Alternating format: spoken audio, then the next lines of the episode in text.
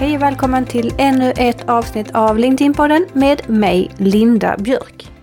Idag tänkte jag ge dig tips på misstag som du ska undvika. Kanske det var ett tag sedan du uppdaterade din profil eller företagssida. Och hur är det egentligen med det där med dina aktiviteter? Är du konsekvent? Dyker du kontinuerligt upp? Eller vad är det egentligen som du gör på LinkedIn? Och det här är återkommande misstag som jag ser. Och jag ska också tipsa om tidigare avsnitt, avsnitt 188 som handlar om misstag på ditt nätverk, 219 misstag med din marknadsföring och 193 misstag med ditt innehåll.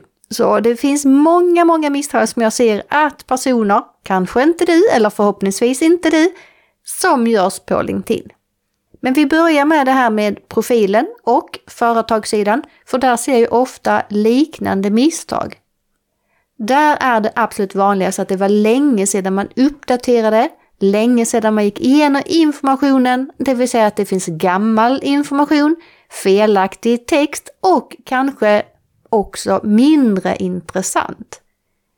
Det kan också vara så att den är dåligt ifylld eller om du bara pratar om dig, dig, dig, dig, dig, dig istället för att fundera på vem är det som du verkligen vill nå med din profil eller företagssida. Här ska du alltså tänka landningssida eller säljsida och visa ditt absolut bästa jag. Så fundera gärna ett varv eller två varv till och ta hjälp och bestäm dig för vad är det viktigaste som jag behöver veta om dig eller företaget när jag kommer in på din profil eller då företagssidan. Jag har ju tidigare berättat om många funktioner och nyheter som LinkedIn släpper och det här behöver du ju hålla dig uppdaterad inom. För det har säkerligen släppts flera nya funktioner som du har missat, både till profilen och till företagssidan. Så mitt första tips är till dig, det är att gå igenom hela din profil, gå igenom hela företagssidan, läs allting, klicka på alla knappar du hittar och se vad är det egentligen för bild som du skickar ut om dig själv, ditt varumärke eller företagets varumärke. Den andra stora punkten här som jag ser det är ju i aktiviteterna på LinkedIn.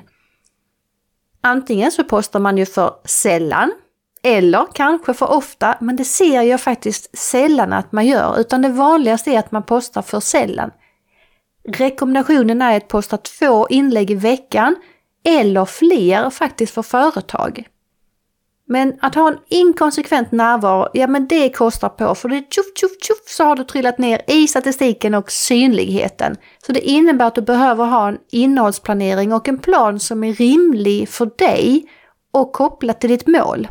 För visst har du ett mål med din närvaro på LinkedIn. Ett tydligt mätbart mål som exakt berättar för dig när du har lyckats, vad det är du ska mäta för någonting och till vilket datum du ska ha nått dit. Eller? Ett annat misstag som jag ser det är att man pratar väldigt mycket om sig själv. Och här behöver vi ju tänka om, för om du pratar mer om jag än om du, det vill säga att du pratar till en person, så blir det också mindre intressant att följa dig eller engagera sig i dina inlägg. Jag vill ju känna mig träffad när jag läser dina inlägg. Om du bara pratar om dig, dig, dig, dig eller vi, vi, vi, vi, så blir det ju mindre intressant. En annan sak som jag ofta ser att det är att man har en låg delaktighet av faktiskt både chefer, håll i hatten nu chefer, och också medarbetare. För om det är så att man vill att medarbetarna ska bli aktiva på LinkedIn, vilket jag tycker är jättebra, ja men då är det faktiskt så att du som chef måste också vara aktiv och gå först och visa att det är faktiskt bra att vara aktiv på LinkedIn. Och när vi ändå pratar om företaget och hur man ska tänka med medarbetarna så ser jag också där att man bjuder in, och det vet du säkert att man kan göra, man kan bjuda in personer att följa sidan på LinkedIn och det kan man göra både som administratör och icke-administratör. Men då bjuder man in vem som helst och det har ju en direkt påverkan på engagemangsgraden.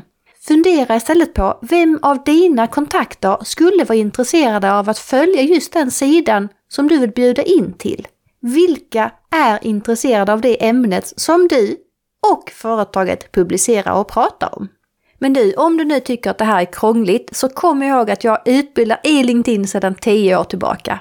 31 januari då kommer jag lära dig hur du skapar innehåll effektivt och du ska slippa göra massa fallgropar och lägga tid på onödiga saker. Den 7 och 8 februari är det dags för marknadsföring på LinkedIn för dig som är administratör som vill komma en nivå till. Så förutom att du får massvis med kunskap om format och algoritmer och vad du ska mäta så kommer du som går marknadsföringsutbildningen också få en kom igång med annonsering på LinkedIn. Jag lägger länkar på linkedinpodden.se så kan du läsa mer om de här. Men tillbaka till misstagen då. Om vi ska ta lite om det här med formaten då. Det är att man postar ju som jag var inne på för sällan. Eller så har man för lång text eller för kort text. Man kanske har vågat att satsa på video, vilket är jättebra. Men då missar man att lägga till texten på videon. Och det är jätteviktigt att videosarna är textade. Mindre prat om dig själv och mer kunskap och information till dem som du vill nå. Jag hoppas att du har hoppat ur länkträsket. Det är det jag brukar kalla det för. Det är när man envisas med att posta inlägg med länkar, länkar, länkar, länkar. Och har du lyssnat på mig tidigare så har du säkerligen hört att länkar är mindre bra att publicera på LinkedIn. Sen har vi ju en viktig grej kvar och det är ju att mäta. Vad mäter du egentligen? Jag frågade precis om du hade satt upp ett mål som var mätbart och tydligt. Men vad är det egentligen du mäter? Är det antal visningar? Oops! Eller är det någonting som säger något mycket mer? Är det antal leads? Är det trafik till hemsidan? Är det förfrågningar? Är det engagemangsgrad? Eller vad är det egentligen som just du mäter? Det finns en mängder med olika mätpunkter som du kan använda för att få fram rätt sak på LinkedIn. Det vill säga att du kan se vad som faktiskt fungerar bra och vad som fungerar dåligt. Men sen har vi en liten grej till och det är ju det här att man missar att differentiera sig. Våga sticka ut, våga vara lite annorlunda. Välj dina färger så att du syns och sticker ut för att du har troligtvis en grafisk profil att utgå ifrån. Om du följer mig på LinkedIn så vet du ju att jag har ju alltid min röda färg. Jag har alltid samma textsnitt och sen varierar jag ju bilderna. Jag mixar formaten mellan video, dokument och bilder. Men det är alltid den här igenkänningsfaktorn så att du ska känna igen när just jag dyker upp i ditt flöde. Så här är en del misstag som jag ser som man gör och givetvis så kan du vända på de här så att det blir till positiva saker istället. Så gå nu igenom och avsätt lite tid här. Gå igenom din profil, gå igenom företagssidan. Hur ser det egentligen ut? Finns det några nya funktioner? Gå igenom dina aktiviteter. Mät och följ upp och se hur gick det egentligen här nu? Vilka format är det som funkar bra för dig? Och är det så att dina videos är textade? Eller skriver du alldeles för lång text eller kanske för kort text. Och kom ihåg att du tar dig upp eller gräver dig upp ur länkträsket och vågar testa något av LinkedIns alla andra format. Om det nu är så att du tycker det är krångligt, så gå in på linkedinpodden.se. Där lägger jag länkar. Där ligger också länkar till mina kommande utbildningar. Jag hoppas att jag får se det på en av mina utbildningar. Tack för att du lyssnar. Tycker du att den här är bra och ger dig någonting, tipsa jättegärna andra, för det hjälper ju fler att hitta hit och få just den här kunskapen som du har fått idag. Så bums tillbaka till LinkedIn och ta med dig de här punkterna och gå igenom vad är det du har gjort och vad är det du ska göra annorlunda framöver. Lycka till! Linda Björk heter jag. Vi ses och hörs snart igen. Hejdå!